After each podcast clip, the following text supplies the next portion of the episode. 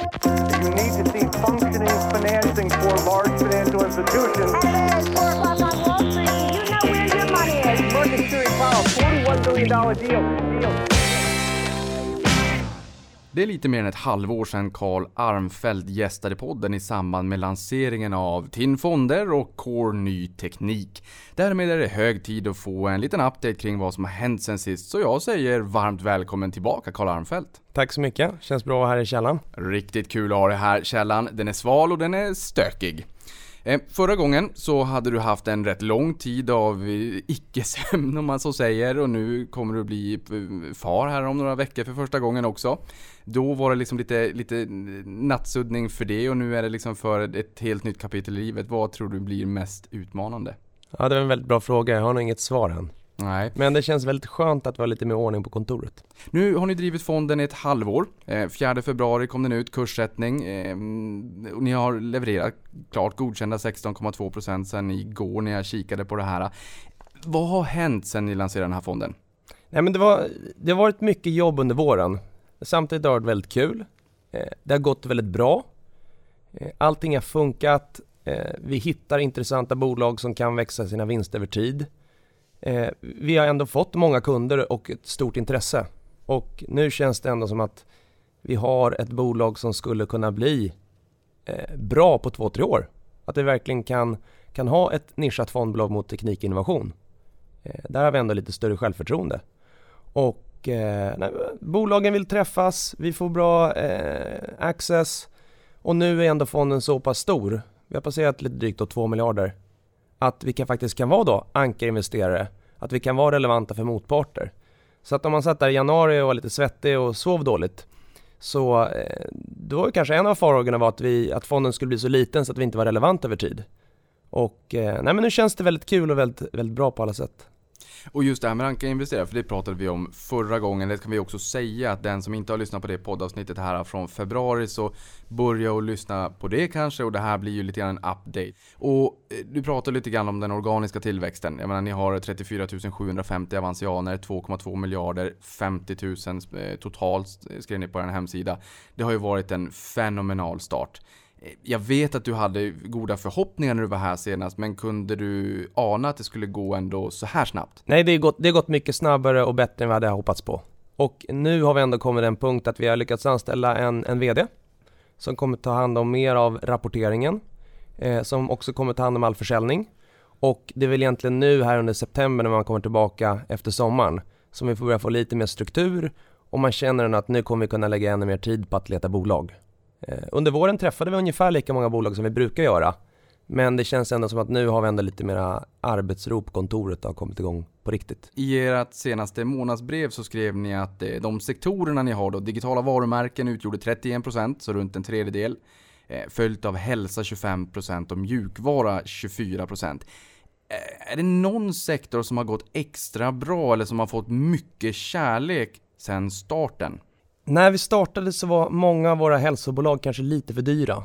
Så det var några stolpar ut där vi valde att inte investera i ett bolag vi ägt historiskt. Just att vi tyckte ändå att vi är ändå fundamentala, vi tittar på kassaflöden.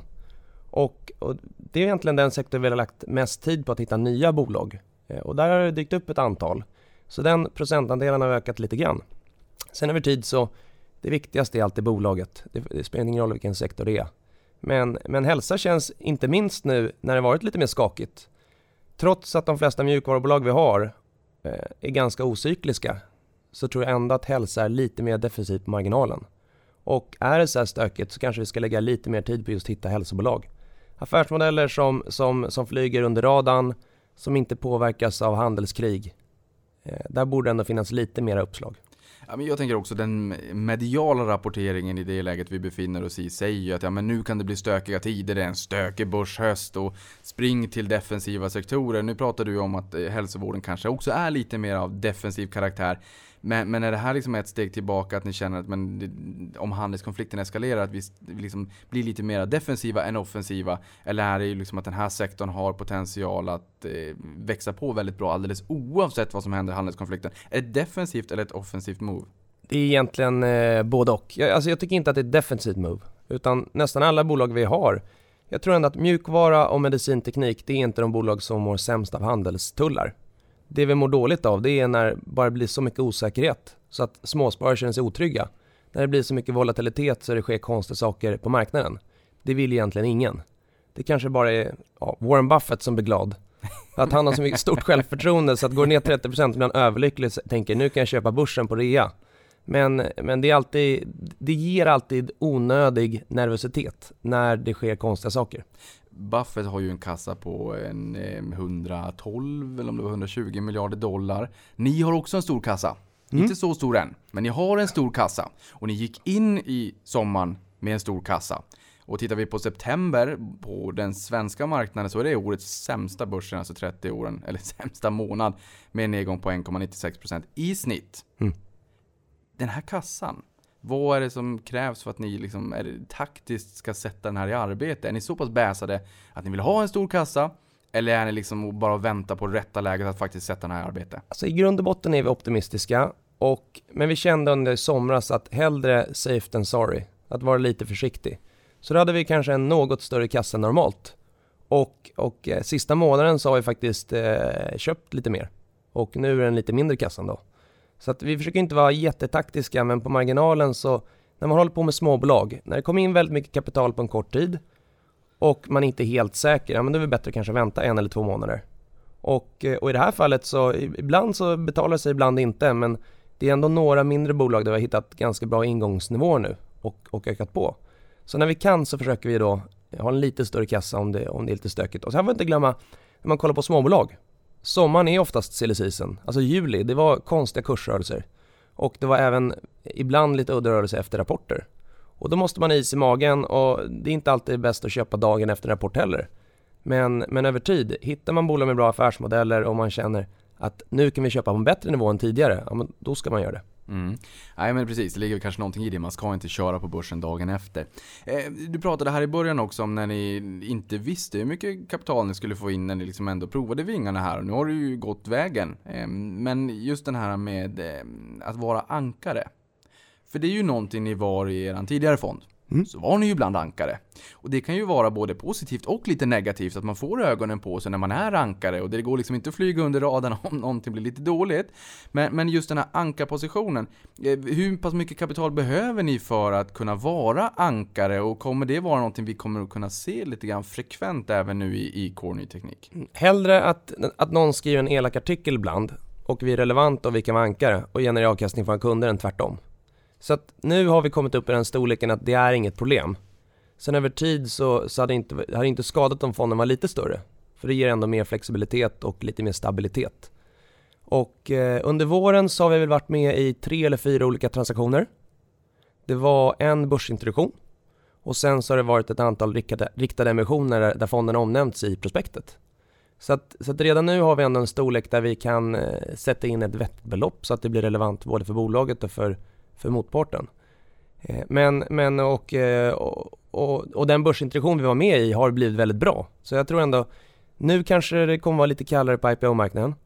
Och det är inte alla delar av cykeln man ska vara med i mycket börsintroduktioner. Men över tid, vi ska göra saker som kunden har svårt att göra själv och, och det kommer vi fortsätta göra.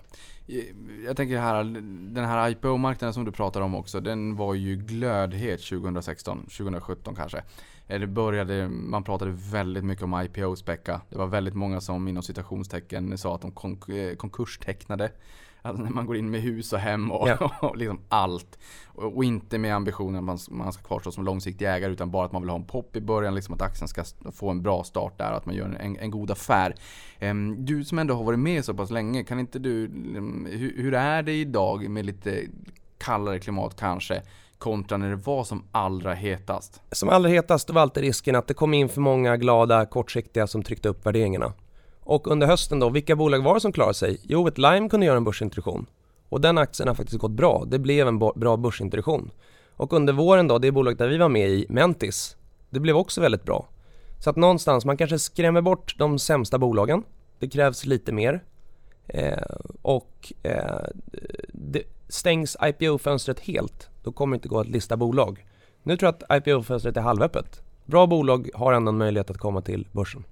Jag, jag tänker så här, EQT, det är ju inte ett bolag som kanske finns i ert univers. Det är för att det är kanske dels lite för stort och sen så kanske inte liksom de sektorerna, de bolagen ni, ni riktigt vill ha så att säga. Men i och med IPO-fönstret som du säger kanske inte riktigt är helt stängt. Ibland stängs det ju om det är för hög volatilitet på, på marknaden. Jag menar, börsfrossan när vi föll 17,9% i fjol. Där var det ju rätt blodigt även på, på för amerikansk tech. Ja. Det började med en sektorrotation. De hade inte gått dåligt, men det blev väldigt blodigt.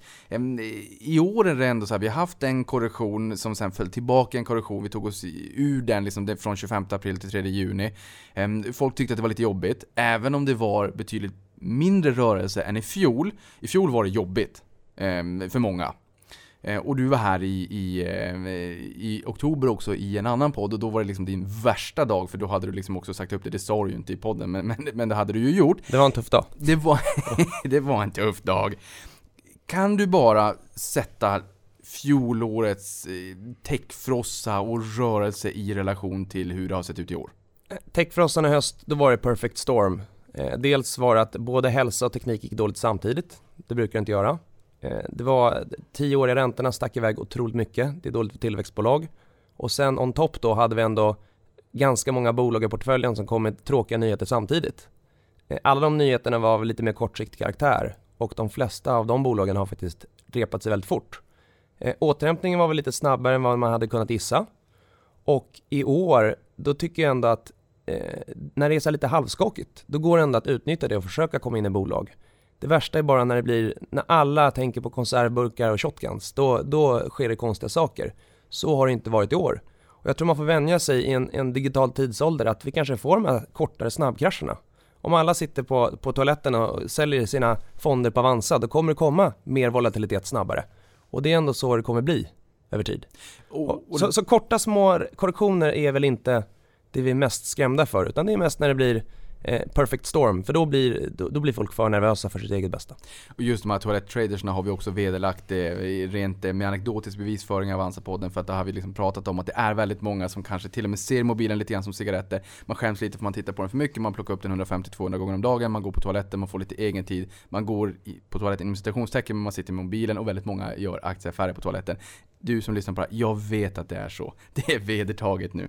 Eh, men, jag tänker lite grann, eh, ni har sagt att ni har gjort en del affärer. Vi fick prata, vi hörde lite här om Lime exempelvis och Mentis. Ehm, ehm, eh, men om du pratar lite grann om den geografiska spridningen eh, och de här köpen ni har gjort. Har det varit eh, utomlands, i USA, eller har det varit primärt Norden? I dagsläget så tror jag att eh, utom Norden ungefär 20-22 procent. Eh, det var 25 innan vi sålde Tencent. Och ehm, vi kommer alltid ha huvudfokus på Norden, men vi har ändå hittat intressanta bolag i USA. Eh, vi har hittat ett bolag i Australien, en konkurrent till, till Fortnox som är lite större. Mhm. Och eh, jag tror ändå över tid så, vi har tjänat mycket pengar på, på den icke-nordiska delen. Och vi ska lägga tid på, på Europa, USA och Australien. Jag tror inte vi ska in så mycket i Asien. Eh, vi pratade om det för, för något år sedan och, eh, och det gjorde vi ändå jobb på men corporate governance är inte lika bra. Små bolag tenderar inte att gå lika bra i, i de regionerna som gör i västvärlden. Du, det där är intressant. Kan du utveckla någonting kring just ägarstyrningen där och varför det är lite jobbigare med, med småbolag utanför Norden? För att det är konglomerat och att vinsterna hamnar inte hos aktieägarna, de hamnar någon annanstans. Mhm. Bo- Både Australien, Sverige och Norden. Eh, Australien och Sverige är de två bästa börserna på 100 år och det finns bra bolagsstyrning. Eh, USA, man kan diskutera med löner till börs man kan diskutera utspädning med optionsprogram. Men det är ändå en hyfsat bra eh, bolagsstyrningsmodell. Och i Europa, ja, det är klart att vi har träffat några mjukvarubolag i Frankrike som är lite, ja, kanske inte lika effektiva som de nordiska. Men det finns ändå många duktiga eh, tech-entreprenörer och, och spetsiga bolag i Europa. Intressant. Jag tänker lite, lite grann på de här utländska bolagen. Eh, vi har ju en svag krona. Eh, väldigt svag krona som kanske också kan göra att vi kanske kan få lite utköp och liksom en liten attack mot det här klustret du har pratat om tidigare. Men, men mer om det strax. Jag tänker mig, hur tänker ni kring eh, valutan när ni investerar i utländska bolag? För även om valutan är ett nollsummespel men ni har ju kanske teoretiskt lite FX headwind.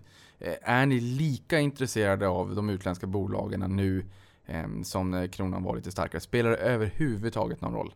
Det spelar väldigt liten roll. Enda observationen är att många andra techfonder har 80-90% USA och 80-90% dollar. Våran fond tror jag att det är 13% USA nu. Så att skulle du få en, en, en, liksom, en korrektion i dollarn så kommer det se väldigt mycket sämre ut för, för en stor teknikfond än för oss.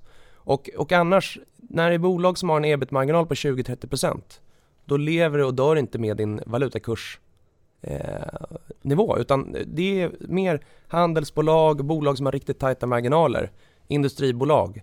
Så, så vi lägger väldigt lite tid på det. Däremot så om man vänder på det, när det är ett sånt läge där vi kanske tittar på FX eller politiska risker, ja men då hamnar man i, i Tencent. Det är en av de få gångerna när det får då en kombination mellan ett Hongkong och ett handelskrig med USA där det faktiskt blir mycket svårare för en amerikansk förvaltare att köpa Tencent och motivera det. I det läget, då känner man kanske att varför ska vi äga det här bolaget just nu? Då kanske det är bättre att vi letar på annat håll så länge. För, för där, eh, vi kan gå händelserna i förväg lite grann eh, just på hur eh, portföljen ser ut. Jag tänker på Tencent där, för den har ni ju faktiskt lämnat den positionen. Ehm, hur pass mycket påverkar värderingen och utsikten i korta perspektivet kontra just den, den geopolitiska risken och spänningarna i handelskonflikten? Vad är det som gjorde att ni slutligen tryck på säljknappen där? Man kan bara ge ett historiskt exempel då. 2008 när jag var på Brummer så var ett, jag tror vårt största innehav i portföljen var Gazprom. Efter Putin gick in i Georgien så gick Gazprom ner 78%. Innan den gick ner 78 så redan då så var det P3. Det var Europas billigaste bolag. jag tror att de är där nu och, och, och, och någonstans så vi kommer aldrig lägga särskilt mycket tid på makro eller politiska risker men när det är ett sånt här scenario och man varit med om det förut så då kan vi ta en paus. Då kikar vi hellre på nordiska bolag där vi känner stor trygghet närmsta 6-9 månaderna. Och ordnar Hongkong upp sig och man känner att handelskonflikten har lösts ja men då kanske vi kan komma in på, eh, på en liknande nivå i Tencent eller lite dyrare. Men samtidigt är det en väldigt likvid aktie.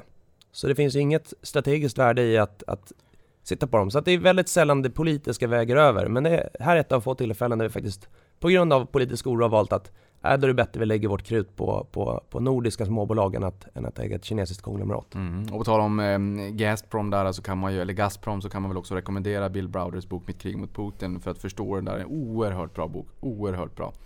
Ehm, men, jag tänker lite grann att eh, Almedalen så hade vi Anders Borg som nu sitter som rådgivare för ett annat eh, fondbolag.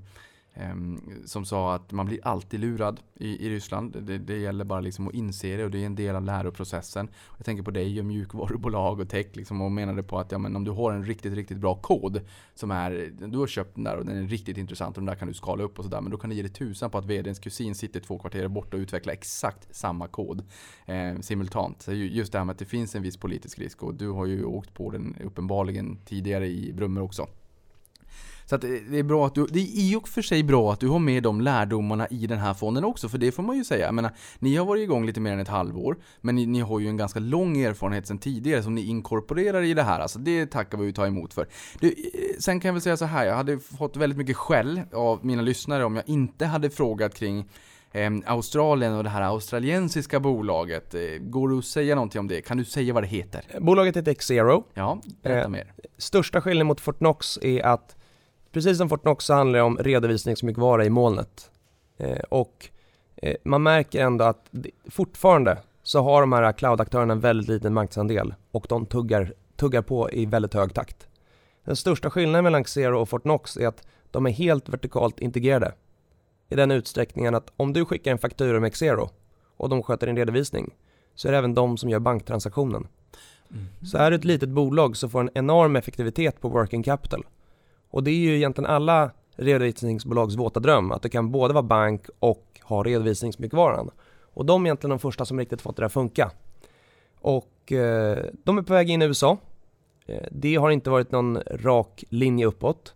Men sista året nu så har de blivit lönsamma och eh, ja, närmat sig liksom det, det som vi ser som ett eh, föredömligt bolag. De har hög tillväxt, de har lönsamhet, eh, de har en bra produkt och, eh, och ett jättebra komplement till de här lite mindre SaaS-bolagen vi har i Norden. Men, men är det enda investeringen ni har i Australien? Än så länge. Exakt, än så länge. Eh, hur är universet i Australien? Har ni gjort någon resa dit ännu? Nej, det Nej. har det inte varit. De har vi träffat i USA. De där har ni träffat i USA. Ja, det är kanske rimligt världens största kapitalmarknad. Men, men hur är klustret i Australien? För jag tror att många som lyssnar på det här tänker, jaha, men Australien, det är ju mycket råvaror. Eh, finns det ett intressant kluster eh, av den här typen av bolag där? Det finns ju inte ett Silicon Valley. Nej. Men återigen, hittar vi ett bolag som är väldigt likt ett nordiskt och som har samma playbook och de är framgångsrika och skapar aktieägarvärde så vet vi ändå att Australien har bra, bra corporate governance. Så, att, eh, så jag tycker ändå, vi har haft lite bråk här nu, vem ska åka till Australien och hitta flera mjukvarubolag? Det, ska jag eller ska Erik åka? Jag förstår det. Och, och jag tycker också att det är väldigt intressant det du säger. Att man, man, näst, man kan ju säga liksom att ni är underviktade i USA då. Sen det är väl klart att jag menar, det ska ju vara USA också, men det ska väl vara 70% Norden. Eh, så det är ju inte bara USA, även om det ofta blir USA kanske. Och gamingbolag som du pratar om mycket, för att det är det som folk har velat höra. Men det är, så, det är ju både USA och Norden, men nu uppenbarligen också Australien. Tar vi vår egen globalfond så är det 57% USA, för det är så världen ser ut. Som världens största kapitalmarknad, ni är inne på tech eh, digitala varumärken, hälsovård. Men men just att man får en liten undervikt där tycker jag också är väldigt intressant. För att du får ju en, du får ju en edge, du får ju liksom en spets som du kanske inte får riktigt någon annanstans. Mig veterligen just nu i alla fall. Ja, och det är därför vi har det fokuset. Men sen glöm inte då, vi, vi har börjat eh, luska på lite SAS-bolag i Italien. Och det jag kan avslöja är att ett, ett, ett italienskt SAS-bolag har ju lite lägre värdering än Salesforce i alla fall. Och hur, hur ser ni på den politiska risken där då? Eh, ja, det spelar ingen roll för ett Nej. mjukvarubolag. Nej. Det, det, när det spelar roll, det är ju när det är en strategiskt viktig tillgång för, för staten. Då kan det ofta komma, och jag tror någonstans att det som kommer beskattas, det är stålkraft, eller st- stålverk, eh, det är saker som politikerna kan åka och titta på. Någonting som ringer, ligger i molnet, det blir svårt att beskatta. Och även skulle det komma någon digital skatt på Google eller Apple, jag tror inte att de här småbolagen kommer att drabbas i det korta. Kanske om 20 år men inte på 5 år. Vi får väl se hur pass mycket Trump kan hota dem också med att öka beskattningen i sådana fall på franska viner. Han säger ju att jag har ju alltid sagt att amerikanska viner är bättre än franska. Det är mycket han alltid har sagt när han är inne i hetluften. Eh, på tal om det, eh, vi ska prata om eh, Trumps Twitter-tum, men jag blir bara så himla nyfiken Nu du pratar den typen av bolag i Italien. Eh, nu pratar vi nyss Australien och huruvida, hur klustret ser ut där. Ni träffade det där bolaget i USA. Eh, finns det ett sånt här kluster av intressanta småbolag i Italien då? Det kanske inte finns lika tydliga kluster, men teknik och, och, eh, och hälsa blir mer, mer och mer globalt. Och någonstans i en värld där du kan outsourca mycket till tredje part, så kan ändå ett litet team göra en, en produkt som är globalt relevant.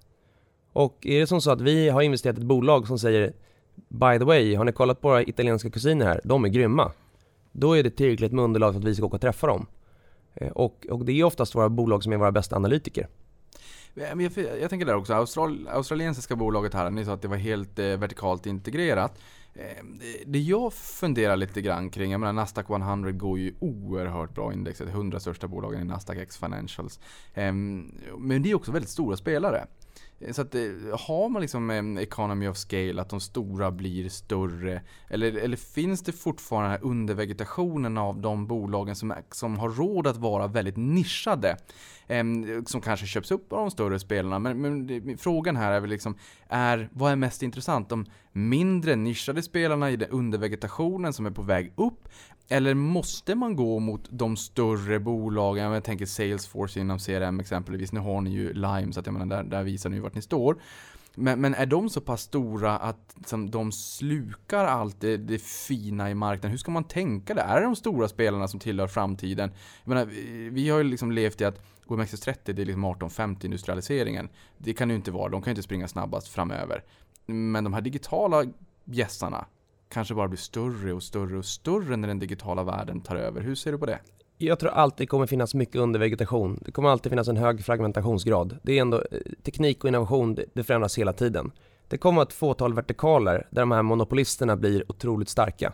Det kommer vara sökmotor, säkert sociala medier och advertising. Någonstans kombinerar du Facebook med Google. Alltså om du som ett litet företag ska nå ut, då måste du nog betala dem ganska mycket.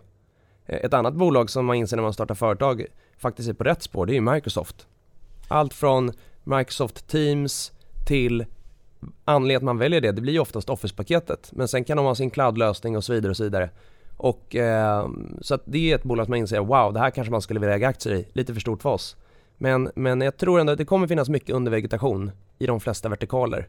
Eh, och det, det tror jag inte man kommer behöva oroa sig för. Sen så när stora bolag blir lite för stora, så blir de väldigt trögrörliga. Och några undantag kanske att Google lyckas ha den här innovationsgraden. Men även de är ju väldigt stora och byråkratiska. Mm. Eh, jag tänker också, för vi kanske kan prata, nu är ni ju ändå ett halvår gamla, man kanske kan prata lite produktutveckling och sådär. Och jag tänker med de här stora bolagen, alltså Satya Nadella, eh, nya vdn efter Steve Ballmer på Microsoft, eh, gjorde en helomvändning 2014 mot just molnet. Aktiekursen har gått bananas. De har kommit över 1 trillion dollars. Nu ligger de etta globalt.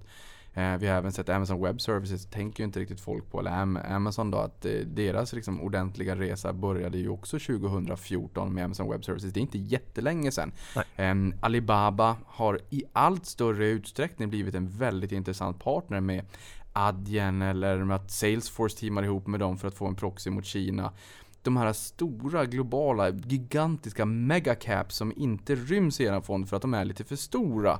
Ehm, skulle man kunna se någon form av produktutveckling? Att ni liksom eh, lanserar någon form av produkt för att få exponering mot de här stora giganterna? Jag tror definitivt att inom något år så ska vi även ha en fond som, som lägger energi på den typen av bolag också. Vi träffar de här bolagen löpande och det är ofta för att få inspiration. Och, och sitta och snacka med ett Microsoft eller, eller med ett Amazon, det är då ibland poletten trillar ner och man kan förstå varför det här lilla såsbolaget går bra eller dåligt. Så vi, vi träffar dem löpande och, och, över tid så tror jag att ska vi vara nischade inom teknikinnovation då måste vi kanske också ha en fond som tittar på lite större bolag. Men, men det är för tidigt att, att spå om än. Jag tänker det här IPO-fönstret som vi pratade om också. Eh, nu är ju EQT kanske liksom inte eran eh, cup of tea så att säga. Men eh, har EQT på något sätt, eh, nu är det ju så pass färskt, det är liksom i måndags, även om det har spånats om det ett tag. Och nu när vi spelar in det här så är det i onsdag, om jag inte är helt ute och cyklar. Ehm, har, har de på något sätt skapat lite mera mm, temperatur i, i börsbastun så att säga? Att de mindre bolagen kanske lite grann vågat. Ja, men okej, vi kanske vågar komma ut till börsen. Det har varit lite volatilt och sådär, men ja, vi kanske ändå ska ta steget. Jag menar, ni pratar med mycket bolag, inte sällan kanske med bolag som inte ännu är på börsen. Hur, hur är temperaturen där ute med de bolagen som ni har lyxen att prata med, som varken jag eller mina lyssnare har? Ja, temperaturen är väl, eh, det är inte 80 grader i bastun, men kanske är 65. Ja. Så att den är väl mellanhög. Och jag tror inte att EQT ritar om kartan där. Jag tror att det kommer säkert, det kommer nog säkert bli en bra transaktion, det finns ett stort intresse. Eh, om det är någonting man skulle önska är väl att det finns liknande spelare som EQT, som har mer fokus på teknikinnovation.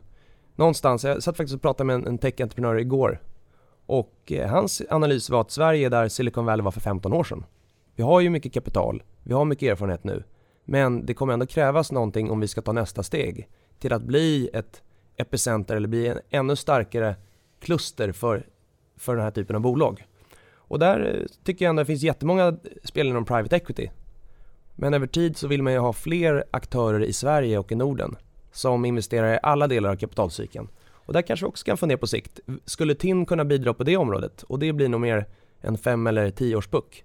Ja, men för jag tänker där, jag menar, har du någon, eh, någon politisk uppfattning? Jag, menar, jag, jag tänker mig att du pratade förra gången du var med här att eh, det är väldigt viktigt att behålla de här fina bolagen som kan bli liksom morgondagens storbolag. Och kanske också skydda dem mot utköp så att vi kan få behålla ett kluster. Kanske ta en aktiv ställning i att faktiskt säga nej. Mm. Om det är så att det, att det kommer en, en amerikansk storspelare och kanske vill köpa ut det här bolaget som som eh, bjuder liksom på kanske mega growth och där man känner att här skapas det fina värden där jag vill behålla i Sverige.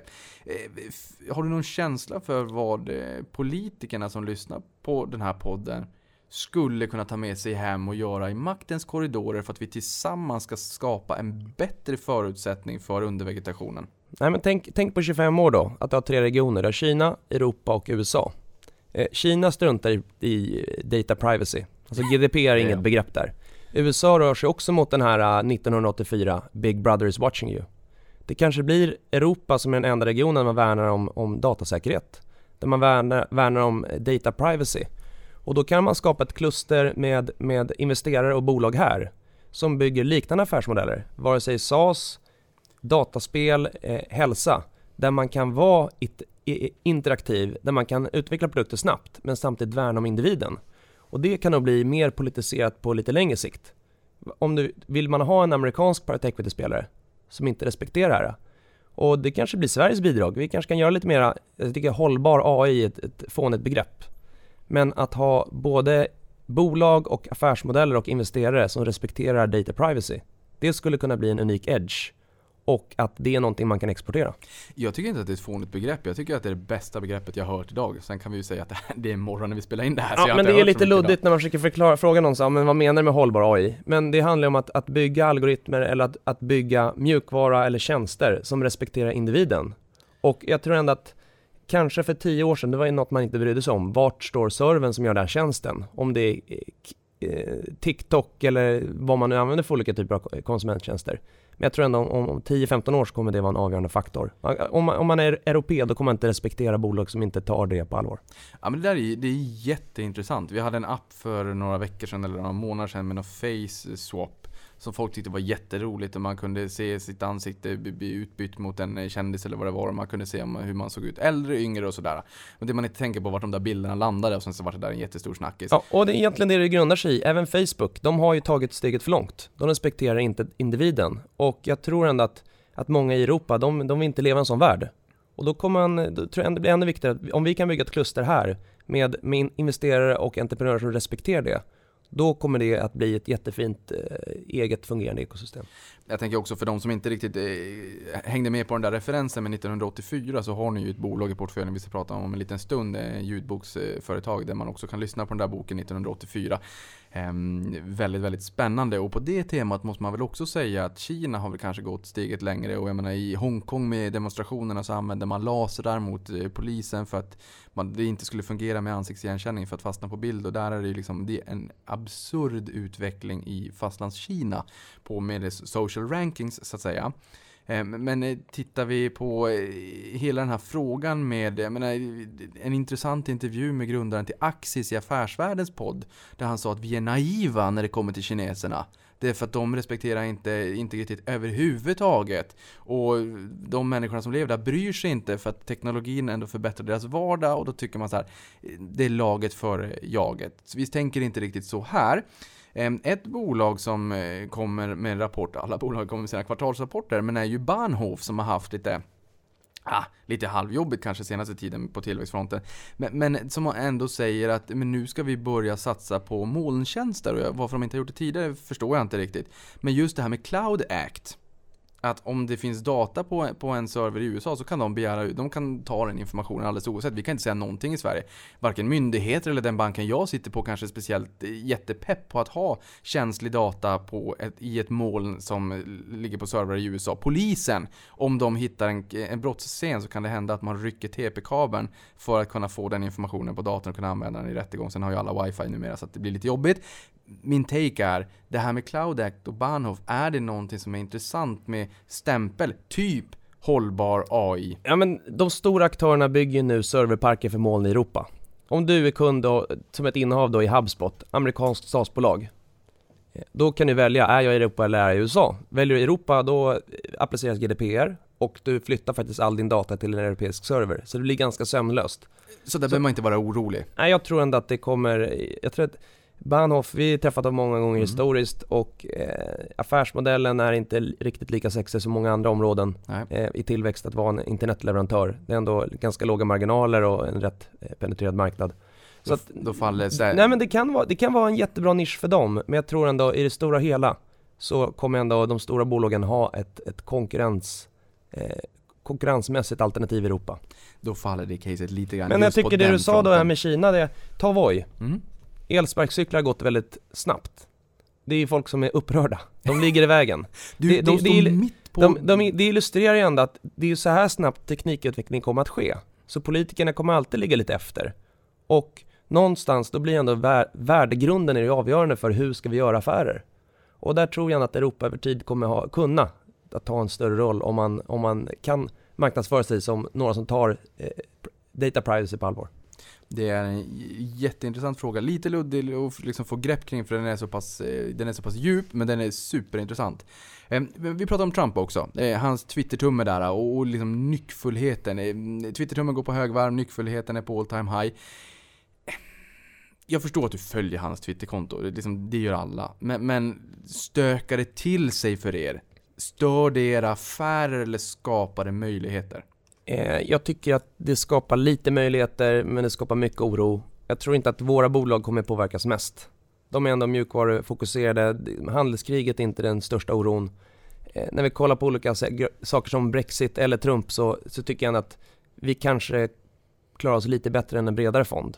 Men någonstans så känns det bara onödigt. Man blir ändå, framförallt en fredagkväll, börsen har gått bra hela veckan och så 17.00 då kommer, kommer en Twitter-avrättning. Ja. Och så sitter man och tänker hela så här, ja, hela helgen då, hur kommer börsen öppna på måndag? Så att, så att någonstans, man kanske bara ska skaffa sin almanacka och ha någon slags nedräkning till, till när nästa kandidat tar över. Jag har även kollat mycket på Unibet och kollat på oddsen och det ser lite tufft ut för de här demokraterna men man kan i alla fall hoppas. Ja, och man kan väl säga också att han, han säger ju till Kina att det blir ännu värre om det så att han blir omvald, att de, att liksom, de laggar och försöker förhala det här. Men om han märker också att det blir väldigt mycket oro där ute så brukar det kunna komma en liten, en liten mjuk tweet på söndagskvällen innan börsen öppnar på måndagen också, så han mikromanagerar ju verkligen börsen. Ja, han är proffs. Han är proffs. Eh, I ert senaste månadsbrev så pratar ni om att starten har varit stark, god vinsttillväxt, låga räntor, räntorna har ju fortsatt att falla. Eh, vi har 17 000 miljarder dollar globalt som befinner sig i negativ yield. Japan är störst. Sen har vi många länder i Europa. Tyskland, stor del av yieldkurvan är i negativt territorium. Vi har PIGS-länderna som sedermera blev GIPS-länderna som har jättelåga räntor. Det hade vi aldrig kunnat tro när eurokrisen blom, blommade ut. Det låter som att det är bra men det var det ju inte. 2011, 2012 där. Eh, samtidigt så säger ni också att en minskad världshandel skulle kunna potentiellt leda till lägre tillväxt på lite sikt. Eh, eh, vi kommer ihåg Smooth and Holy, eh, 30-talet. Det sänkte världshandeln 75%. Riktigt där är vi ju inte, vi är lite för globala för det. Men det här med recession. Alla pratar recession. Och du säger ju här att liksom, på lite längre sikt så skulle den här minskade världshandeln kunna sänka vinsterna också. Och det är det man är orolig för. Peak earnings lite grann kanske, plus fallande vinster, fallande multiplar. Det blir ju en dubbel effekt. Hur oroliga är ni för en recession? Alltså någonstans, Trump har gjort att den enda tillgångsklassen som kommer lyckas över tid blir aktier. Det är ändå kontentan. Jag tycker att det är naivt att säga att, att man inte är påverkad alls om det blir handelskrig. För, för vi blir påverkade och vi försöker den mån vi kan att, att utnyttja läget till att hitta bra ingångsnivåer. Men, men jämfört med någon slags bredare referens så, så kommer säkert de här bolagen klara sig bättre. Och ta bara en kille som Peter Lynch. Alltså någonstans, sen andra världskriget då, så har det varit nio stycken stora recessioner eh, och många presidentkandidater som har svängt vänster och höger, upp och ner. Och, och under den tidsperioden så har då bolagens vinster eh, dubblerats 55 gånger. Börsen har gått 60 gånger och jag tror ändå att, att tillväxtbolag med bra produkter kommer klara sig i höga eller låga räntor och att i den mån vi kan, blir det lite stökigt kanske vi kan försöka utnyttja det. Någon gång lyckas vi men eh, man känner sig inte jättenervös ändå. Utan det är en digital tidsålder och om vi lägger all vår energi på digitala bolag då kanske vi väljer lite bättre bolag inom det segmentet. Jag tycker att det är, man, svälj, man ska inte svälja mygg och, och, och sila elefanter utan lägga sin energi på det som faktiskt kan göra skillnad i sitt sparande och i sin avkastning. Eh, och det är, det är ändå den stora bilden. Mm. Eh, ni skriver ju också liksom att dels handelsoron då i det här månadsbrevet men även volatiliteten har varit lite större och därför lägger ni liksom lite större vikt med att hitta bolag med stabila affärsmodeller och eh, starka balansräkningar. Um, och sen så har ni den här lite större kassan då också som ni nu faktiskt har möjlighet att, att sätta i arbete då, som ni också lite grann har satt i arbete på senare tid. Um, det här med stabila affärsmodeller och starka balansräkningar. I vilken av era tre segment skulle du säga att de, de orden lyser starkast? Jag tror inte att man ska dela det på segment, men har ett bolag som har mellan 5 och 25 miljarder i börsvärde och som har en lång historik och en hög marginal och en stark balansräkning. Allt annat lika blir ändå lite tryggare. I vissa bolagen som vi hittar och som vi går in i, det kanske är en miljard i börsvärde och det verkar vara väldigt bra och de har gjort väldigt mycket rätt, de har rätt riktning. Men ett litet större bolag är oftast lite mer stabilt. Så att om man står där och väger, ska vi chansa på det här, den otroligt nya goda idén? Eller ska vi köpa lite mer av någonting som redan är bevisat, som vi redan äger? Ja, under sommaren då så valde vi hellre alternativ nummer två. Och eh, det gäller bara att ha en balans, alltid. Att vara, ifrågasätta det man gör men samtidigt vara, vara, vara offensiv. Eh, och det kanske varit lite mer ifrågasättande de sista tre månaderna och nu så försöker vi växla över till att bli i alla fall lite mer offensiva. Mm. Eh, om man tittar på liksom ett, ur ett geografiskt perspektiv, då, de bolagen som ni investerar i, ja men där har vi ju Norden och USA och nu har vi även Australien. Men finns det några regioner eh, eller världsdelar, men det är kanske lite för brett. Finns det några regioner i världen som ni tycker är extra intressanta? Typ Sydamerika exempelvis. Men som ni får indirekt exponering mot via något av era innehav. Så att inte titta på vart, liksom, vart era investeringar finns, utan finns det någon del av världen som är intressant, som ni tycker är kul att ha en investe- exponering mot? Inte rent geografiskt. Nej. Däremot så Israel är en stor vit eh, fläck på kartan för oss. Och varför är det det? För det är mycket tech där. För att inte vi har lagt tillräckligt med tid på att åka dit. Eh, Vi har träffat lite duktiga tech-entreprenörer det sista halvåret från Israel och de säger att det är en väldigt domestik marknad. Det är väldigt få internationella fonder som tar sig tiden att åka dit. Eh, Och om vi för ett år sedan sa att vi kanske borde kika mer på Israel och mer på Asien så tycker jag att vi kan dra ett streck över Asien och säga att det, det är nog inte där vi ska addera värde. Men hitta två, tre bolag med bra ägare i Israel, det kanske skulle kunna vara otroligt spännande. Så det är en, en sån här, en region vi ska lägga mer tid på. Mm. Det där låter ju väldigt spännande. Någonting annat som är spännande det är ju rapportsäsongen som eh, vi har rivit av här under eh, sommaren. Eh, finns det eh, något eller några av bolagen som ni har i portföljen som har stuckit ut lite grann i, under rapportsäsongen? Det har varit många bra rapporter och återigen då Peter Lynch, över tid, om 6 av 10 investeringar blir bra, då, då gör man en väldigt fin avkastning över tid. Vi kommer alltid ha eh, vissa bolag som kommer med, med dåliga nyheter och då brukar man eh, sortera in de dåliga nyheterna i två kategorier. De som kommer med en svag rapport och aktien går ner mycket och man blir på lite deppigt humör men man känner ändå långsiktigt så känns det här väldigt bra. Eh, och sen så kommer alltid de som är en en dålig rapport och så måste man ifrågasätta sig, kommer det här investeringscaset funka överhuvudtaget? Eh, värsta rapporten under sommaren var ändå Kindred. Eh, det var en negativ besvikelse, jag tycker man ska ta ner sina förväntningar på, på vad det här bolaget är värt. Men samtidigt då, om, om aktien går ner så mycket så att den implicita värderingen blir så låg, ja då kanske inte Kindred är det första bolaget man ska avyttra. Så våran tilt kommer alltid vara bolag som växer 20-30% organiskt och ofta har en hög värdering. Men vi har ju ett antal eh, mer långsamt växande bolag i portföljen. Och där är eh, Kindred är ändå ett valuebolag. Eh, och där kommer också Asia Castieto in, finska UC som håller på med kreditdata. De växer bara 2-3% organiskt. Det är mer en kostkattingövning att få det bolaget att, att skapa aktieägarvärde. Så att det är, man blir ändå väldigt enbent om vi bara ska kolla på hot stocks och kolla på det som känns fantastiskt. Och eh, från tid till annan då måste vi ändå ibland våga gräva de här andra affärsmodellerna. Och ta bara Kindred specifikt. Eh, man ska ha en lägre förväntning. Det, det blir tuffare under reglering. Men fortfarande, sista fem åren så är det Stockholmsbörsens tredje bästa bolag. Så det är en, en bra affärsmodell. Och även fast det kommer reglering, då borde i alla fall det bolaget med bäst produkt och bäst skala att klara sig okej. Och då, nu betalar man då en gång försäljningen för ett bolag som över tid i alla fall borde kunna göra 15-20% ebit-marginal och växa snabbare än börsen. Ja men det där är intressant. Och också det här påminnelsen om att man ska veta vart man kommer ifrån. Och vi har ju liksom fått det här licenssystemet nu här i början på året. Och det har varit ganska jobbigt och man har pratat mycket om det här med, med eh, vad eh, måttlig eh, marknadsföring är för någonting. Och det kanske inte är Kindred då som, som har stått för eh, liksom de värsta exemplen. Och de, det, det värsta exemplet har ju faktiskt också blivit av med, med tillståndet Eh, med, faktiskt med Ninja Casino då. Mm. Och sen en stor grej, det är ju att de här bolagen, Kindred inkluderat, har inte så stor intäkt i Sverige längre. Men däremot så blir ju alla investerare väldigt påverkade. För att om det enda du läser i tidningen är att alla sköter sig dåligt, ja det är klart att då känns det inte som att man får en större aptit att investera i den sektorn. Så att sektorn har haft det tufft av flera olika anledningar.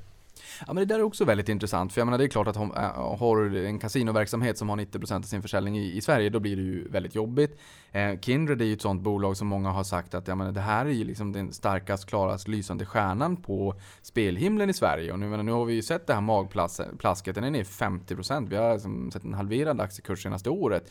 Ehm, samtidigt som, som du säger, men den, den växer väldigt, väldigt mycket organiskt och borde liksom kunna göra det under ganska hygglig lönsamhet. Ehm, så jag tolkar liksom på dig att man, ni snarare kanske ser det här som eh, att man kanske till och med skalar upp den här positionen lite grann. Om det är så att man ser att det går åt rätt håll. Ja, eller så kanske det ska vara en liten position som får leva på sina egna meriter. Däremot tycker jag att, att när man kommer med, med en rapport som är så dåligt kommunicerad så ska man ställa lite större krav på bolaget. Mm. Och om de inte är duktiga på att kommunicera närmsta ett, två kvartal, då ska man nog gå ihop några aktieägare och skriva ett öppet brev. Då kanske man får ringa PJ på Bodenholm eh, och några andra vänner i Viken. Mm. Eh, DNB Technology köpte rätt mycket Kindred också. Mm. och, och skriva ett, ett öppet brev att nu gäller det att, att jobba lite hårdare och faktiskt göra ett omtag. Ni kan inte bara leva på gamla meriter. Ni måste bli bättre på att kommunicera, ni måste fundera på er kostnadsstruktur. Det kanske är en lite annan playbook som behövs nu än vad ni har kört de sista åren. Så, så där finns det också en möjlighet, men, men eh, man först ger dem lite utrymme och tid att, att göra det de själv tror är rätt. Mm. Men jag, jag, tänker också, för de som lyssnar på det här och som sitter på Kindred då. Eh, men vi har ju sett det här i Betsson tidigare också när det gick eh, käpprätt. Sen har ju Kindred en större del av sin eh, försäljning redan i licensmarknader. Och, och, som du säger, man ska också komma ihåg att eh, kanske, kanske, eh, jag spånar nu bara, det vet du bättre än mig, men att allt mindre andel av intäkterna faktiskt kommer från Sverige. Men det är ändå i Sverige vi ser nyheterna. Det är ändå i Sverige bolaget finns, det är ändå här vi ser nyheterna, det är ändå här media sätter är våra sentiment och det här våra institutioner och som kanske också säger att vi tack för kaffet, den här sektorn ja. lämnar vi. Men, men, men, du menar liksom för mana lite grann att man, man ska ta det med en nypa salt och snarare hålla sig till fakta ja, än just alltså, det här mediala om, bruset? Om, om, det regnar i Stockholm så kan det ändå vara snö i Åre. Så att du behöver inte, Skistar liksom kommer med minst varning och lite där är vi i den sektorn. Ja. Men, men någonstans, eh, man måste hela tiden ompröva sin syn. Och allt annat lika, vi tycker ändå att operatör är en mindre attraktiv affärsmodell än många andra segment. Och eh, hellre att ha ett bolag som en underleverantör. Men, men någonstans måste också vara flexibel och försöka hitta intressanta eh, bolag som är felvärderade. Men, men även om vi liksom ska ge dem eh, lite tid, vad, vad vill du helst se? Liksom, vad, vad, är det viktigaste som du vill se eh, från Kindred kommande halvåret, året? Bara de, så länge de växer topline och att, att marginalerna är vid 10% då tycker jag ändå att man kan ha självförtroende att, eh, att fortsätta vara aktieägare. Vi pratade tidigare här om Peter Lynch också. Ehm, och, det faktum att ehm, han levererar 29% om året i 13 år på Fidelity Magellan. Och han sa att trots att jag levererade, eh, eller nu, det är jag som säger det, men med världsklass. Eh, så snittspararen förlorade pengar för att man hoppade från tuva till tuva. Ehm, hur pass... Ehm, kan du säga någonting om det? Alltså är det mycket hoppjerkar? Alltså nu har ni ju 50 000 sparare, ni hade eh, 270 000 tidigare. Ni är på god väg dit, ni har fått 50 000 på ett halvår, det är fenomenalt. Ehm, men är småspararna, eh, liksom, sitter man still i båten när det svänger? Jag tycker att vi lägger energi på att försöka attrahera mer långsiktiga kunder. Då, gör, då blir vårt jobb lättare. Och är de hopplärkor eller inte, det är ju upp till dem själva. Det är någonstans, det är ändå det man erbjuder när man har en dagligt handlad fond. Det man ser på datan är att, att vi får ju alltid mest inflöden de sista sex åren när fonden har gått som bäst. Och det är lite kontraintuitivt. Att är det rea på en klädbutik, då köper man hellre en, en tröja 30% ned. På börsen är det tvärtom. Och det kommer vi alltid få leva med, det kommer vi alltid behöva förhålla oss till. Det viktiga då är att när vi får en kortsiktig sättning, då måste vi vara kommunikativa. Vi måste förklara varför äger de här bolagen, varför investerar vi som vi gör och varför tror vi på vår strategi långsiktigt. Då kanske vi kan hålla några fler småsparare i handen och så kanske de får lite kött på benet och tänker, äh, men det kanske är bättre att bara ta det lite lugnt. Så att ja, du, du, du har ett jättebra argument i det, men det går nog inte att förändra utan det är mer att förhålla sig. Det är som, ska man sitta och köra eh, liksom, i vänsterfil i alla år i USA på motorvägen och tuta på alla för att de ligger i fel fil. Det, liksom, det kommer inte komma någonstans. Eh, så att... Eh, Eh, en fråga som jag fått också som jag tror jag vet svaret på, men det är ju liksom det här med pilotskolan brukar man ju prata om VD på, på bolag och sådär. Men i, i fondbranschen så pratar man väldigt, väldigt sällan om, om hur pass mycket fondförvaltarna själv investerar i sina fonder. Det behöver inte vara kronor och ören, men liksom som andel av sitt sparande. Jag vill minnas att du investerar, allt ditt sparande går till, till din egna fond. Allt det nya sparandet och jag flyttar över allt mer av mitt gamla sparande till fonden också. Jag tycker inte att, jag kan inte motivera att jag ska sitta och lägga energi på, på andra bolag på börsen som inte vi investerat i. Det är waste of time. Klockrent. Utan, och, och, det är bättre att lägga tid, tid på fonden. Eh, jag tycker det, det är det enda man kan motivera för våra kunder. Någonting som inte är waste of time, det är ju också att försöka bli, liksom, eh, fortbilda sig eh, och försöka lära sig ännu mer och bli inspirerad av andra också. Eh, för att växa som investerare eh, över tid. Och jag menar, du har pratat mycket om, om eh, Peter Lynch. Jag har eh, faktiskt börjat läsa hans bok återigen, One Up on Wall Street. Jag älskar den, den är fantastiskt bra. Finns det någon annan person ute i investeraruniverset som du inspireras av, som du tycker att men det här är en bra person, läs, läs personens memoarer, läs boken eller vad det kan tänkas vara. Finns det någon annan duktig investerare där ute som du känner att den här personen tycker jag är riktigt bra? För, för 10-15 år sedan läste jag många böcker också och inspirerades av dem. Men jag tycker de vi inspireras av är snarare bolagen. Mm. När vi åker och träffar Take-Two eller åker och träffar Evolution och de pratar om företagskultur. Eller vi träffar ett, ett e-commerce-bolag som pratar om hur de jobbar med Google AdWords. Snarare så är det faktiskt de enskilda bolagen vi inspireras av. Eller ett CRM-bolag som kan visa statistiskt hur mycket bättre man försäljer om man digitaliserar sitt säljsled. Det är sådana saker vi sitter verkligen funderar på och eh, snarare än de här investerarna, för det blir, man sitter med varenda dag så det blir lite för mycket floskler och alla vet liksom att, eh, ja, du vill ha ett bolag som är bra på alla sätt och vis, men hur ska vi hitta det då till en låg värdering? Mm. Så snarare blir det att bolagen blir våra stora inspiratörer. Hur känner du det när du är ute och träffar bolagen? Kan det bli liksom den här känslan av Kalle i chokladfabriken? Att man säger wow, alltså det, att man liksom, det, det bubblar igen, att man tycker att det är så jädra roligt. Speciellt om det kanske är att man får se någon form av produktion eller något, att det inte bara är kontorslandskap med massa siffror på en powerpoint. Det, det är alltid otroligt kul att åka, åka besöka bolagen. Och sen gäller det en balans, man får inte bli förälskad i bolagen heller. Eh, alla börs är ju ofta väldigt charmiga personer.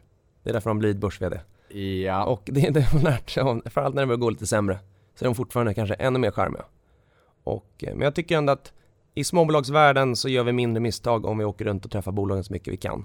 Och gärna går runt på kontoret. Man får ändå en känsla för hur det går för, för verksamheten och vad de har för företagskultur. Och återigen, ett bolag kanske kan ha en bra produkt i två, tre år. Men över 15 år, den viktigaste faktorn blir kapitalallokering. Och ska du lyckas med kapitalallokering, då måste du ha rätt typ av ägare och rätt typ av företagskultur. Så man tänker genom åren så här, vad, vad har man lärt sig när man jobbat i den här industrin? Så en sak, man kanske historiskt varit lite för naiv när det är restructuring. Har ett dåligt bolag med en dålig företagskultur, det tar många, många år att vända det. Så det är bättre att lägga tiden på att hitta dem med stark företagskultur. Så, så, men, men eh, ja, det, det är ju vissa möten som Framförallt, det är ju roligare att träffa dataspelsbolag än försäkringsbolag. Det bubblar ju lite mer i kroppen. Eh, det, det, är väldigt kul. Det är väldigt kreativa eh, människor. Men det gäller också mjukvara och, och medicinteknik. Mm. Att sitta och se på en produkt som kommer öka överlevnadsgraden eller göra att operationer blir mycket mer effektiva och billiga. Och eller mjukvarubolag som är lite i framkanten av, av sin nisch globalt. Det är, det är väldigt, väldigt roligt. Och, och, ibland så önskar man att man kunde spendera mer tid på dess kontor. Mm. Men, men, man ska inte eh, göra sig ovän i att bjuda in sig själv för mycket. ja, men jag tänker också när, när förälskelsen har lagt sig lite grann så då, då, är det ju liksom hårda siffror som, som gäller. Ehm, och jag tänker också det här med, med eh, medtech. Eh, som du har pratat om, att ni har, ni, i relativa termer överviktat det eh, den, sen, sen starten, eller liksom, den har fått lite mera kärlek. Eh, har du något exempel där från något bolagsbesök? Jag menar, du pratar överlevnadsgrad eller om man tänker en, eh, en röntgenbild som kan digitaliseras. Och liksom, det är ju så mycket i vården som inte är digitaliserat. Vet, jag har nyss blivit pappa igen ehm, och då kommer en barnmorska hem några dagar senare och så säger man, eller då frågar jag självfallet, ja men det här med vaccin då? Finns det ett centralt register för vilka vacciner man har? Nej. Nej. Ja, men, men, men, det är 2019! Och nej, ja, men, men, men det går inte! Jag bara, men sätt någon och sätta in alla de här pappren. Hon bara, nej, då måste man kolla från 50-talet och 60-talet och mor och farföräldrar. De kanske har en liten lapp där det stod och hur ska man göra det här? Och det är ett annat system. Jag bara, men migrera ja, Jag satt förra veckan med en sjuksköterska på, på middag som också ville ha vaccinsystem och det skulle bli en stor idé som hon skulle bli ekonomiskt oberoende på. Men, men eh, eh, det finns otroligt mycket att göra. Mm. Eh, det är en hög innovationsgrad. Eh, om man bara tittar på ett litet område som robotkirurgi, där vi har faktiskt två bolag som vänder sig mot. Det är dels Mentis men även Surgical Science. Eh, inom 10-15 år, då kommer inte ens etiskt kunna motivera att en människa opererar om det finns en robot som har bättre utfall. Eh, I Sverige så det är inte ett resursproblem, utan det är ett produktionsproblem. Och det handlar om mjukvara och att, att strukturera saker på ett sätt som gör att du får en effektivitet i vårdproduktionen. Och där finns det mycket intressant laboratorieutrustning, digitalisering och eh, vi träffar väldigt många bolag. Det vi har lärt oss inom medicinteknik är att du måste ha en bra produkt men också en riktigt bra distribution globalt. Det räcker inte med en bra produkt för att det kommer ingenstans i den här världen som är kickbackavtal, eh, vänster, höger och i mitten och det är väldigt svårt att sälja till exempel i Asien eller emerging markets. Där krävs ett helt annat eh, taktik. Ibland kan det ju vara direktleverantör själv men ibland så måste det gå via eh, olika typer av eh, importörer och så vidare. Så det är ju väldigt snårigt.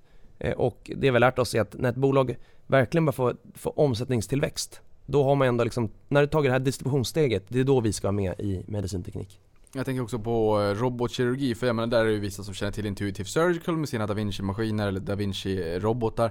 Är det ett eh, för stort bolag? Är det, är det därför Det är lite för stort, men, men eh, om man tar då både Mentis och eh, Surgical Science, de har ju börjat sälja till, till några av Intuitives konkurrenter. Mm. Och någonstans, de, de kommer över tid säkert bli databolag som sitter på all simuleringsdata och förstår hur man ska anpassa ett ingrepp.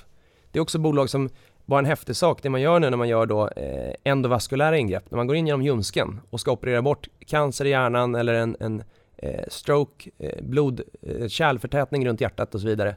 Så det finns 92 ingrepp. Men, eh, och alla har ju lite olika blod, eh, blodvener och liksom, alla ser ju olika ut ändå som personer. Och de har kommit så långt så att de kan faktiskt ta en, en, en CAT-scan och sen då importera in den i sitt simuleringsverktyg. Det är något de håller på att kommersialisera. Och då använder de sig till och med av eh, ja, vissa typer av mjukvara som, som dataspelsutvecklare gör för att kunna snabbt bygga eh, någon slags simuleringsverktyg. Och så i framtiden så kommer det ju du kommer inte kunna operera på, på en patient om du inte har tränat på operationen i ett digitalt verktyg. Det, det kommer ju vara som att köra bil utan ett körkort. Så, så, så, så det kommer ju otroligt mycket.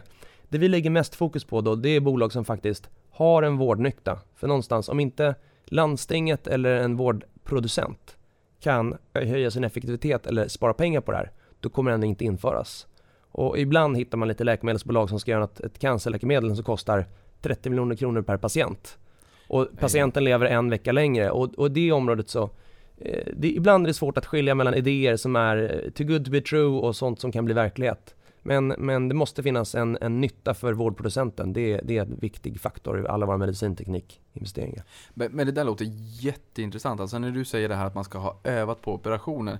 Eh, då är det inte att man övar på operationen man ska göra på en standardpatient. Utan i ett simuleringsverktyg så övar du på den patienten.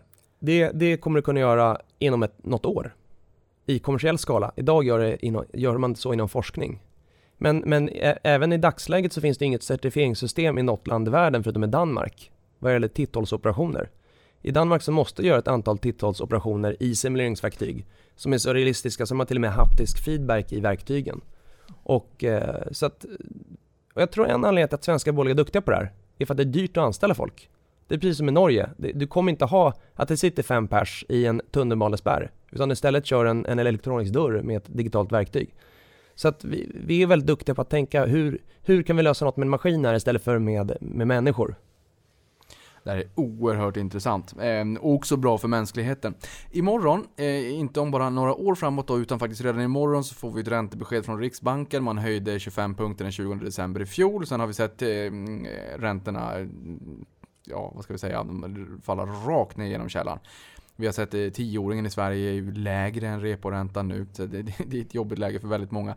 Eh, har det här någon påverkan? Jag menar, du pratade ju om techfrossan i fjol och att eh, tioåringen i USA som var upp på nästan 3,30 blir lite jobbigt för eh, tillväxtbolag. Nu har vi sett en amerikansk tioåring som har ja, halverats. Och, och, i Sverige så vi har ju inga räntor överhuvudtaget att prata om. Yieldkurvan är ju liksom eh, kokt spagettistrå. Påverkar morgondagens eventuella räntebesked, sänkta räntebanor hit och dit. Hur mycket tittar ni på det?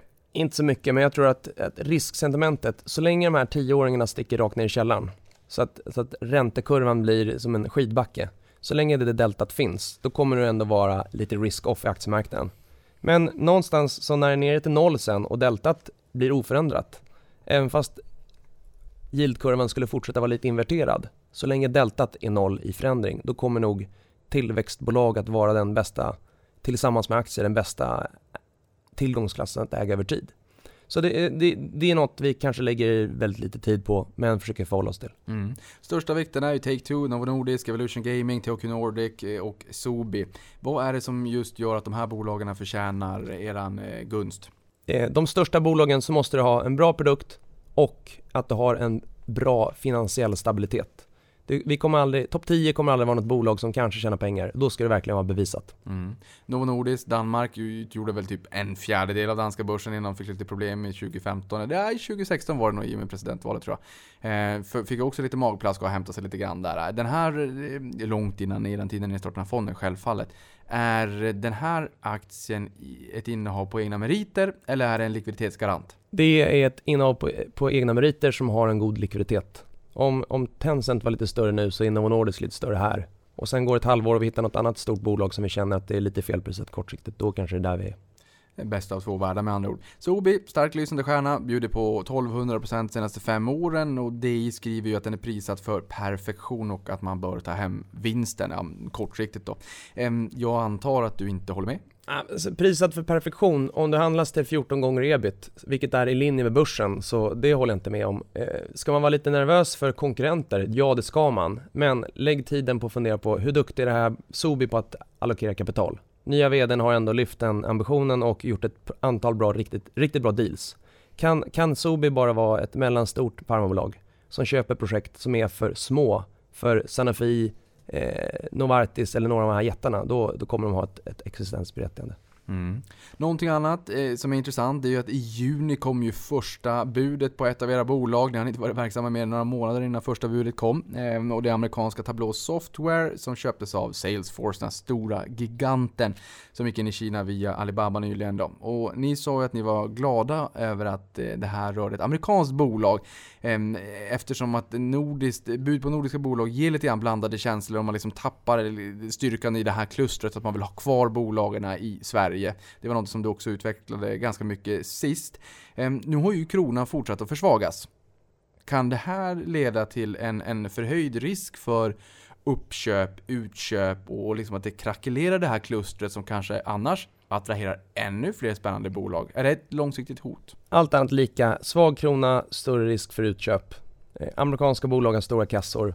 Eh, om vi kan då, tror vi att det är fel då ska vi vara högljudda. Så det är något man ska räkna med att om vi tror att vi, att vi, att vi kan vara högljudda och vi skulle kunna hjälpa bolaget, då ska vi vara det.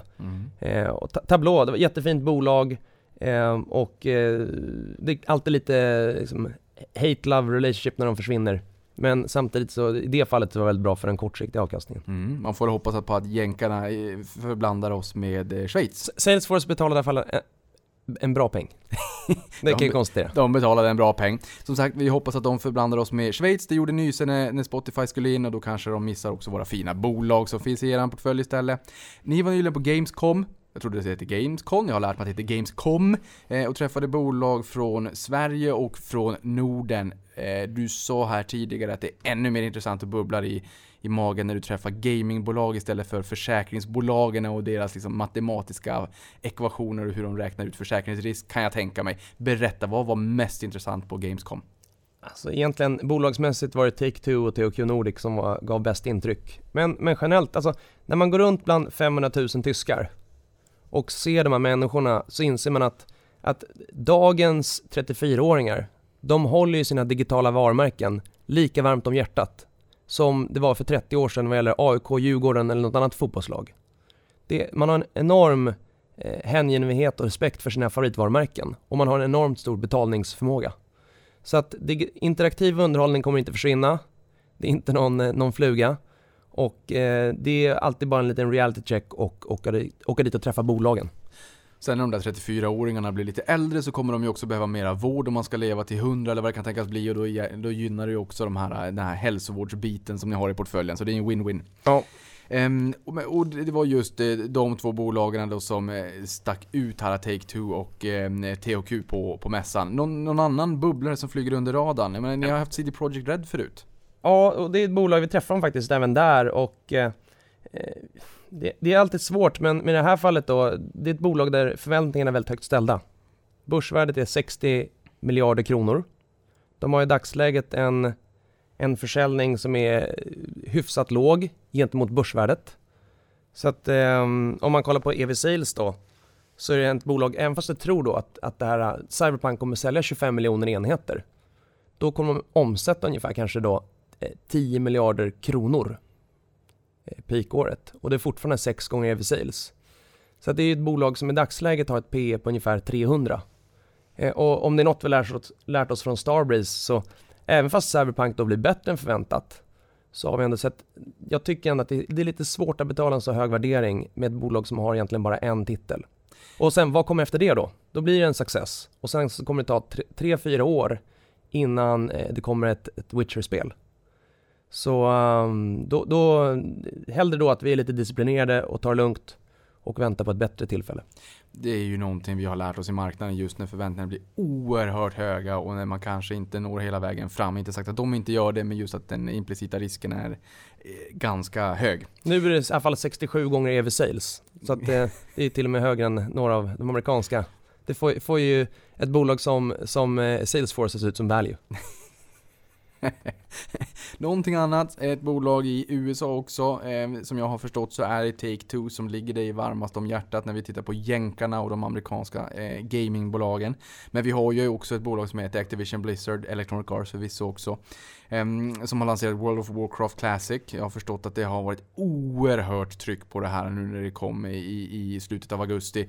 Eh, vi har inte sett de här uh, hypade, liksom, um, hypen sen bolaget var på peaknivå. Kom ju 2004 det här IP, det var 12 miljoner människor som betalade 100-120 spänn i månaden när det var som störst och nu har det varit ett enormt tryck. Um, vad, vad säger du? Har du någonting att säga om Activision Blizzard? Det finns ju inte i portföljen, men, men hur ser du på bolaget? Ja, alltså World of Warcraft Classic då, 11 miljoner tittare på Twitch på måndagen eller tisdagen när det kom. Det är rätt många. Det är till mer än Sverige, hela Nej, Sverige. men det man kan säga, read across till våra innehav, jämför det med också med, med Take-Two, GTA 5. Eh, GTA släppte en DLC, Cas- Casino, Diamond Casino, eh, Eh, och hade fler spelare på en vecka än vad de hade för sju år sedan när spelet kom. Så att det visar ju att Game as a Service funkar. Har du ett bolag med ett antal varumärken och de tar hand om sina varumärken, då kommer du kunna skapa aktieägarvärde i många år. Activision är väl, kolla på hela produktportföljen, lite svagt. Eh, enorma utmaningar i Blizzard, där verkar det som att många har stuckit. Eh, har liksom försökt göra Diablo nu flera gånger och misslyckats. Så att någonstans, det kanske inte är det bolaget vi älskar mest, men, men World of Warcraft Classic visar ju ändå att det, det kommer inte vara dagsländor inom PC och konsol som lyckas. Det kommer alltid vara någonting som är en uppstickare, men över tid, har du en portfölj med 10 varumärken, då kan du nog, är du skicklig, skapa väldigt mycket aktieägarvärde. Ja men det är ju intressant det där också, man ser hur pass länge de här IP'erna faktiskt kan leva. Och jag menar bara det med, med eh, GTA 5, liksom mer spelare på en vecka än vad man hade för, liksom, när det kom eh, för sju år sedan. Där. Nej, det kom ju inte för sju, det kom ju 98. Men, men eh, när det Sista, spelet kom. Sista, 5 sista GTA 5. Eh, I måndags be, berättade MTG att kinesiska Huya, som backas av Tencent, investerade 300 miljoner kronor i deras e-sportsbolag ESL då, som ägs av MTG då. Eh, och att man ska göra ett joint venture på den kinesiska marknaden som är världens näst största e-gaming-marknad efter eh, USA. Aktien eh, poppade nästan 20% från den stängde upp 16-17 eller något sånt där. Det är tillbaka till samma nivå som de var på i mitten av augusti, så man får sätta det i relation. Ehm, hur ser du på den där affären? Eh, jag har ingen jättestark åsikt. Eh, jag tror att MTG fortfarande är lite som en tonåring, liksom, vad, liksom identitetskris. Vad, vad är MTG? Är det ett investmentbolag? Är, är det ett operativt bolag? Jag tror att det är väl väldigt bra att de får in en, en medinvesterare i ESL och Kina är en, en stor marknad. Samtidigt så, hur lång tid har det tagit att för ESL att bygga sin position i Europa? Det har tagit 15 år. Så jag tyckte man ska tillskriva något jättevärde närmsta 1-2 åren. Men eh, jag tycker ändå att vi träffar dem löpande och, och det är väldigt kul om de lyckas och vi ska vara så otroligt lyhörda vi kan. Eh, och, men jag tror inte att det kommer rita om kartan för dem 2020 inte rita om kartan 2020. Eh, eh, tiden går fort när man har roligt, vi är lite på övertid. Eh, vi har några snabba frågor från Twitter kvar, men sen också lite bolag bara, lite lite kort. Sectra kom ju med rapport här och de gick ju ner ganska ordentligt på rapport, 17,9% ner. Har du någon kommentar på Sectra? Eh, de växer topline 13%. De gör en lägre marginal i kvartalet på grund av långsiktiga investeringar. De har vunnit otroligt många långsiktiga deals sista tiden. Eh, det var några andra rapporter som, som man blev riktigt nervös över. Jag tycker att ak- sektoraktien skulle komma ner på den här rapporten för den har en väldigt hög värdering. Men jag tycker ändå långsiktigt så blir vi inte nervösa över verksamheten baserat på det här kvartalet. Nej. Storytel? Storytel, eh, fortfarande så verkar det gå bra för dem i sin expansion. Eh, men det viktigaste är försök att man ska ställa sig frågan och, och fråga vdn varje kvartal. Har ni liksom finansiell kontroll? Vad har ni för statistik? Vad har ni för siffror som visar att ni faktiskt kan skala alla de här regi- regionerna? Men de har ändå gjort ett jättebra jobb och eh, de skulle ju faktiskt kunna bli en del om det svenska ljudundret och, och kunna lyckas kommersialisera i fler marknader och det är väl det man måste hoppas på. Mhm. Varför Lime och inte Upsales? Eh, vi har ju faktiskt ganska, lite bredare nu. Vi har ändå tre, fyra eh, svenska eh, och nordiska SaaS-bolag. Eh, Lime är ett, men vi har ju en 247 och, och ett finskt bolag som heter Admicom. Så att eh, det handlar egentligen om att eh, vi vill ändå komma in i bolagen när vi känner en viss mognad. Eh, och vi fokuserar egentligen på det vi äger, inte på det vi inte äger. Och Admicom äger ni? Ja. ja. Ehm, och- och det här är ju en ledande fråga såklart, jag förstår väl nästan svaret, men det är fortfarande SAS-bolagen som gäller. SAS-bolagen är en viktig hörnsten i portföljen. Det kommer aldrig bli liksom 40-50%. Nu ska vi säga att SAS kanske är 20-25. Och, och det är väl rimligt att vi fortfarande ska leta efter sådana affärsmodeller. Eh, Det är ett väldigt, eh, långsiktigt så kommer nog mer av mjukvarubolagen gå mot den modellen och det är väldigt bra för aktieägare. Och liksom Adobe och allihopa visar på att det är rätt väg framåt. Så ja, där ska vi leta, leta och vi ska vara nyfikna. Mm. Ambu var ett av era stora innehav i er tidigare fond. Nu har ju värderingen sjunkit rejält i den Twitter som säger här. Varför har ni inte den i dagsläget? När vi startade fonden var, var Amber för dyrt. Sen har de fått problem, de har bytt VD, de har gjort vinstvarningar, de har återkallat produkter i USA. Och någonstans, om du har ett tillväxtbolag som kommer med så här många negativa nyheter, det är svårt att säga liksom, har, har den här VDn, han uppenbart varit för aggressiv vad gäller guidance. Men vad är den underliggande kvaliteten i verksamheten? Så att återigen då, eh, om det nu är lite turnaround, det, det är kanske inte vi som ska försöka ta reda på om de lyckas med det eller inte. Men eh, när vi startade fonden så var framförallt värderingen som var det som kändes liksom, lite för toppish. Mm. När kommer Core Ny Teknik in i PPM? Eh, rent teoretiskt så skulle vi kunna få in fonden när den har funnits i tre år. Eh, och eh, får vi se om PPM finns kvar och vilka former då. Ja. Över tid har vi sagt att våran, våran vision är att vi ska vara ett produktbolag. Vi är agnostiska till plattform och vi ska leverera bra produkter och sen så ska vi försöka finnas på de flesta plattformar. Och så får vi se om det blir PPM eller inte. Mm. Har ni något halvledarbolag i portföljen? Nvidia, Intel, AMD eller någon av de andra? Corvo kanske? Vi har tittat mycket historiskt så har jag ägt lite ett, ett brittiskt bolag.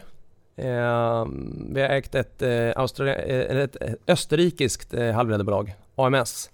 Eh, vi har inget i dagsläget. Eh, vi, har, vi träffar ibland halvledarbolag men inte hittat någonting som vi tycker är riktigt, tillräckligt bra. De har ofta väldigt mycket koncentration mot Apple, det är slaget, det är låga marginaler, det är, liksom, det är tufft. Mm. Vi pratade nyss här om eh, 24-7 Office eh, och de kanske jämfört med, med Fortnox, hur ser du på det? Eh, 24-7 har ju lite större kunder än Fortnox. De har lyckats väldigt väl i Norge. De är på väg in i Sverige. Eh, de kom med en, en rapport som gav lite för mycket åt eh, fantasin. Så att aktien gick dåligt efter rapporten. Eh, jag tycker att eh, om de lyckas komma in i Sverige på riktigt så är det ett väldigt intressant bolag. Jämför man dem med Fortnox. Fortnox de har en försäljning på 440 miljoner kronor sista 12 månaderna. Och jag tror börsvärdet är väl 8 miljarder. Eh, 247 då, de omsätter väl kanske, jag tror att det är 120 miljoner kronor. Har ett börsvärde på 800 miljoner. Så de är mycket mindre. Och jag tycker det är lite för tidigt för att kunna säga, kommer Sverige bli bu eller bä? Men om man tror att de kan faktiskt etablera sig väl i Sverige för lite större kunder än vad Fortnox har, så är det ändå ett bolag som man definitivt ska träffa varje kvartal och göra jobbet på. Så det är ett lite, li, lite högre finansiell risk, ett mindre innehav, men definitivt ett innehav som vi skulle kunna väx- växa med över tid. Mm. Och, och någonstans, vilka, vilka är Fortnox och 247s stora konkurrent? Ja men det är, liksom, det är ju Visma. Mm. Och jag, jag tycker ändå att det, det, är- det är offline, det är där de konkurrerar, inte med varandra. Nej, och Visma visade ju liksom också att eh, Fortnox kanske är lite intressant i och med budet 2016 där då också. Ja. Ehm, eh, vilket är din favoritöl? Ja, mitt, jag är egentligen ingen stor öldrickare men, men Big Wave eh, är mitt favoritöl. Skönt, Av Kona Brewery. då får du ingen Man öl. måste åka till Hawaii för att dricka det men, men när man väl är där så smakar det väldigt gott. Är det noterat? Eh, nej det är inte noterat. Det är inte noterat, då riskerar du ingen ölmage heller. Ja. Eh, på tal om ölmage och träning, det är någon som också funderar lite grann här vad du tar i bänkpress. Jag tror du fick den frågan förra gången. De är väldigt nyfikna på vad gäster tar i bänkpress. Ja, jag är inte bra på bänkpress efter en, en skada i höger bröstmuskel. Så att det, det är knäböj som är min eh, starka sida. Men eh, ja, så jag tar väl kanske 180 knäböj nu och 82 i bänk förra veckan. Men så jag borde väl ta 100, men eh, jag har haft lite problem med just bänkpressen. Bänkpressen, det kommer lite mer organisk tillväxt. Eh, eh, Weeva är ett sånt här bolag som ofta nämns i amerikanska poddar Mm. mot eh, liksom väldigt nischat CRM. Mm. Hur ser ni på dem? Weeva har vi träffat fyra år i USA i rad. Jag gick in och kollade våra mötesanteckningar här innan. Och eh, alla åren har vi skrivit att när de kommer med, med sin första dipp i aktiekursen, då ska vi köpa. Eh, de värderas i dagsläget till 25 gånger försäljningen. Så 25 gånger EV sales. Någonstans 12 EV sales är dyrt. Ja. De handlar 25. Det är ett fantastiskt bolag. Vi går och väntar på den stora katastrofen. hur länge får vi vänta? Vi kanske får vänta i all oändlig framtid, jag vet inte. Vi ska ändå träffa dem varje år och eh, det skulle kunna vara ett, ett bolag som är intressant, men kanske lite för stort egentligen för vårt huvudfokus. Mm. Med tanke på digitala varumärken, varför har ni inte cyber security i portföljen? Är det en intressant nisch? Vi har grävt lite men, men det har eh, varit många kvacksalvare som har dykt upp och sagt liksom att det ska bli cybersecurity överallt och det finns i någon mån redan överallt. Mm. Eh, så att, eh, jag tycker att vi har haft svårt att hitta bolag med rätt affärsmodell och, och, och så. Mm. Varför har ni inte Leo Vegas? Generellt så, förra- vi har varit försiktiga i kasino, vi har varit försiktiga i operatörer eh, och ehm, vi har det historiskt. Ska vi äga massor med operatörer inom betting? Nej men det finns väl kanske andra affärs, affärsmodeller vi lägger mer tid på. Eh, Leo Vegas har gått väldigt bra i år, så är det. Men de är ändå en mindre och mer nischad spelare.